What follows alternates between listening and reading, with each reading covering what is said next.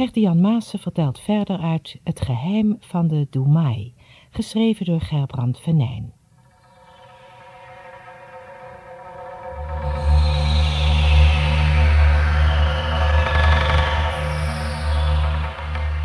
Na een vreselijke oorlog heeft een kleine overgebleven groep mensen een maatschappij gesticht. Hun leider, de Doemai, is de enige die weet dat er een boek bestaat dat geschreven is door de schepper. Samen met twee vrienden heeft Jom gedeelte uit dat boek gevonden. Dat is uitgekomen. Vader is woedend. Deel 8. IJzige stilte.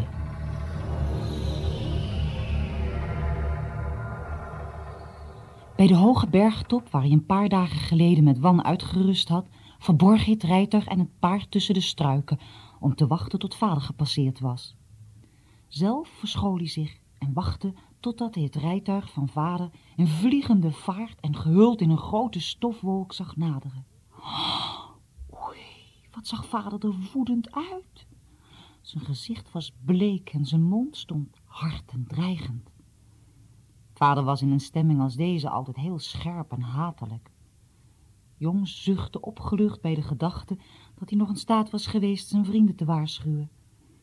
Zodra het snelle rijtuig in de verte verdwenen was, zette hij zijn tocht voort. In de middag was hij in het dorp terug. Bij de knechts informeerde hij voorzichtig of vader hem gemist had. Doch dat bleek gelukkig niet het geval te zijn geweest. Hij vroeg zich ook af hoe het toch mogelijk was geweest dat hij zo snel zo'n grote afstand had kunnen afleggen. Het leek wel of het niet echt gebeurd was. Of hij gedroomd had. Moeder zat in de kamer te weven. Haar ogen waren rood. Je kon zien dat ze gehuild had. Moeder, zei Jom aarzelend aan de deur. Hoe heb je toch kunnen doen, jongen, zei moeder met een diepe zucht. Weet je dat vader zijn geheimen zelfs niet aan mij vertelt? Als je eens wist hoe boos vader was, dat je Wan en die kleinzoon van Rahiers tuinman erin gekend hebt. Heeft vader u de geheimen nu verteld? Ik weet nu wat er aan de hand is, ja. Och, ik wou maar dat Huino nooit iets tegen me gezegd had, zei Jom op een stoel neervallend. Ik vind het zo moeilijk allemaal. Je hebt heel erg dom gedaan, zei moeder verwijtend. Vader had nog wel zulke hoge verwachtingen van je. Zal vader me nu van school halen? Vader zal doen wat Rahir hem opdraagt. Wat zal Rahir hem opdragen, moeder? Wat denkt u? Rahir zal vader opdragen wat de Domai hem opdraagt. De Domai, beefde Jong. Moeder, denkt u heus dat de Domai zich met deze kwestie zal bemoeien? De kwestie is heel belangrijk, Jong. De Domai zal zich er zeker mee bemoeien.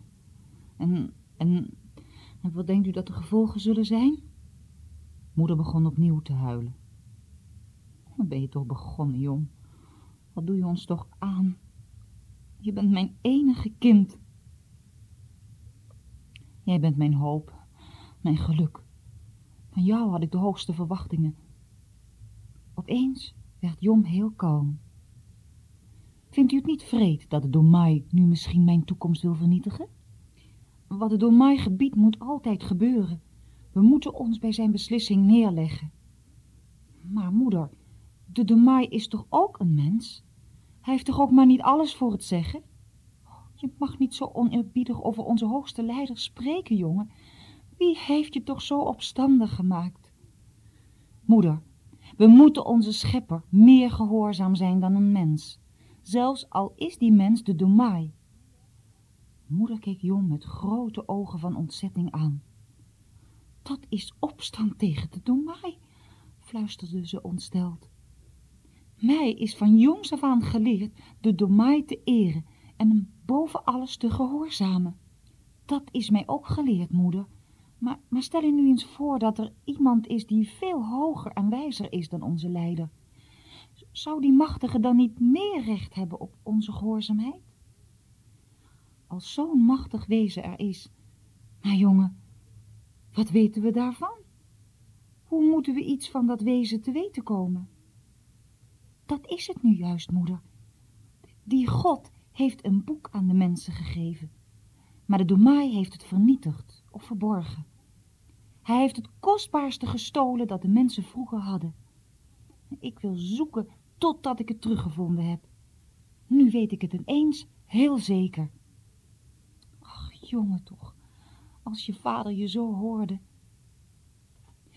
Het lijkt wel, zei Jong. Het, het lijkt wel of die machtige God mij daarvoor bestemd heeft. Misschien moet ik zijn boek weer aan ons land teruggeven. Er is zoveel vreemds gebeurd. Ik, ik moet dit vast allemaal meemaken. Moeder snikte hartstochtelijk. Ze kon niet meer praten. Jom haalde diep adem. Hij vond het verschrikkelijk dat zijn moeder zo'n verdriet had. Hij hield het in het vertrek niet uit en plotseling liep hij de deur uit. Daarbij struikelde hij zowat over een van de knechts die kennelijk met zijn oor tegen de deur had staan luisteren. De man stamelde een verontschuldiging en glimlachte suikerzoet, maar Jom had al genoeg gezien. Diep in de nacht kwam vader thuis. Jom hoorde hem met zware stappen door het huis lopen en hem op een vreemd onheilspellende en tegelijk droeve toon spreken. Het viel hem mee dat vader niet bij zijn bed kwam om hem nog eens de mantel uit te vegen. Het bleef verder die nacht stil en in de dagen die volgden praatte vader niet meer met hem. Ja, hij scheen hem zelfs niet eens meer te zien. Het leek wel of hij voor zijn vader niet meer bestond. De vakantie was bijna ten einde en Jom hunkerde ernaar weer naar school te kunnen gaan om uit deze koude sfeer weg te zijn. Wat er zou gaan gebeuren, kon hij nog steeds niet raden, maar dat er ergens iets dreigde, dat stond wel voor hem vast.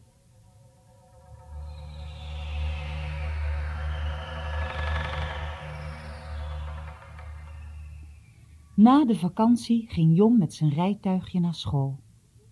Tot zijn verbazing liet vader hem zomaar gaan en niemand scheen erover te peinzen hem zijn bezit af te nemen.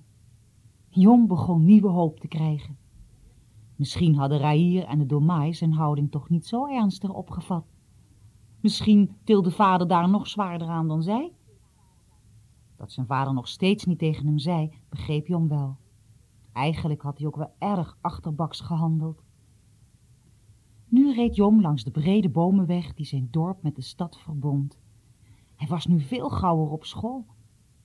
Wat zouden zijn klasgenoten zeggen als ze zijn trots bezit zagen? Hij zou ze om de beurt meenemen. Dat zouden ze vast geweldig vinden. In een beste stemming ging hij het schoolgebouw binnen. De leerlingen stonden samen in de gang. Enkele zaten al in de klas. Jong groette zijn klasgenoten uitbundig. Maar wat hem verbaasde was dat, dat niemand hem teruggroette. Vreemd. Hadden ze hem soms niet gehoord? Hij herhaalde zijn groet. Maar ook nu kwam er geen enkele reactie. John wist niet wat hij ervan denken moest. Verbouwereerd ging hij het klaslokaal binnen en wilde achter zijn lestafeltje plaatsnemen. Wat was dat? Het tafeltje was weg. Op de plaats waar het gestaan had, was nu een lege plek. Mijn tafel is weg, meldde geschrokken aan leermeester Halgo. Voor de vakantie zat ik toch daar beter aan? Nu gebeurde hetzelfde als even daarvoor. Halgo deed net alsof hij Jong niet hoorde en ging gewoon verder met het opzoeken van boeken in de kast. Als versteend stond Jon naast de deur. De andere leerlingen kwamen nu ook binnen, doch niemand keurde hem een blik waardig. Jon wist zich geen raad. Hij wilde ze wel door elkaar schudden en zeggen, kennen jullie me dan niet meer? Ik ben Jon, jullie klasgenoot, jullie vriend. Maar er kon geen woord over zijn lippen komen. Zijn klasgenoten hadden achter hun tafeltjes plaatsgenomen en begonnen met het prevelen van de dagelijkse groet. De groet die elk schoolkind bij het begin van de les uitsprak voor de hoogste leider van het land, de Domai. O Domai, gij die woont in het hoge gebergte, naar u gaan onze eerste gedachten uit. Voordat wij willen werken, leren, willen wij eraan denken wat gij van ons vraagt. Gij vraagt ons hart, onze liefde, onze aandacht. Allen die u gehoorzamen zullen wij broeders noemen. broeders en zusters, maar wie u wil verwerpt, hij worden uitgestoten. Hij is als niets, als lucht, als wind. Maar wij zullen u dienen als toegewijde volgelingen. Gegroet, o Domai, leef in eeuwigheid. Ook deze dag is aan uw naam gewijd. Domai, Domai, Domai, dierbaar zijt ge ons. Na het gemurmel keken de leerlingen op en richtten hun aandacht op de leermeester die met de eerste les begon. Jom stond nog steeds zwijgend aan de kant. Hij besefte dat hij deze dag voor het eerst niet aan de morgengroet had deelgenomen. Alles was zo vreemd. Het leek wel of de klas hem in gezicht geslagen had. Verdrietig liep hij de gang uit naar zijn rijtuigje. Afwezig spande hij zijn paardje weer in en reed de weg terug naar het dorp. Hij lette niet op zijn omgeving. Steeds waren zijn gedachten maar weer bij het gebeuren in de klas. Hoe zou hij het ooit weer goed kunnen maken? Zouden zijn klasgenoten hem nu nooit meer willen aankijken? Hoorde hij nu nergens meer bij? Zijn blik gleed langs de groene velden en langs de hoge blauwe hemelboog. En opeens waren die woorden weer in zijn gedachten. We moeten de schepper meer gehoorzaam zijn dan een mens. Jom had, of hij het wilde of niet, moeten kiezen tegen de Domai en voor die, die andere, die schepper. Zou die machtige God hem nu zien, hier? Had die onbekende aan hem gedacht op het moment toen hij daar eenzaam in het klaslokaal had gestaan? Als het toch eens waar mocht zijn dat hij niet helemaal alleen geweest was op dat moment. Hij peinsde terug over zijn leven. Waren er sporen in zijn leven waaruit hij kon afleiden dat de goede, onzichtbare schepper zich met hem bemoeid had? De stormwind die hem aan wal geworpen had in de buurt van Huino's woning?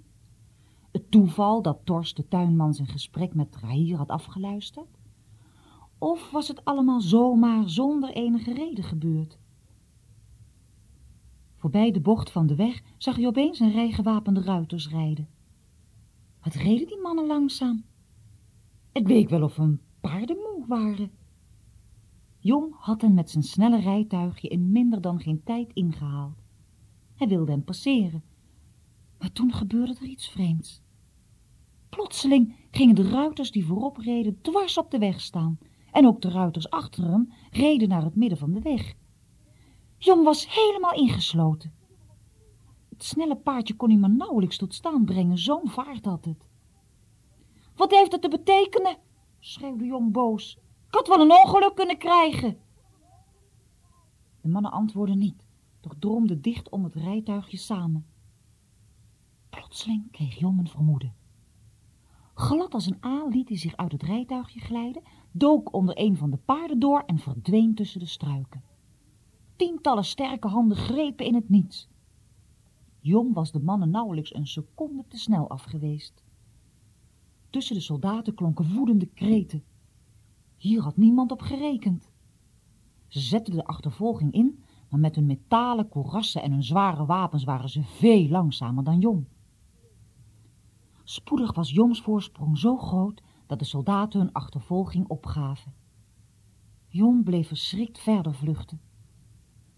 Na de dreigende stilte was nu de storm losgebroken. Onder het lopen vroeg hij zich steeds af hoe het toch met Wan en met kleine Jiba afgelopen zou zijn. Hij verweet zichzelf zijn vrienden in dit avontuur betrokken te hebben. Had hij maar over alles gezwegen. Uitgeput van het rennen bereikte hij de buitenzijde van het dorp. Aan de overkant van de achterweg stond het huis van zijn ouders. Behoedzaam spiedde hij rond.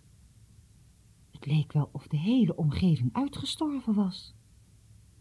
Haastig spurte hij de weg over, eilde de tuin door en ging het huis binnen. Daar heerst hetzelfde beeld. Niemand te zien.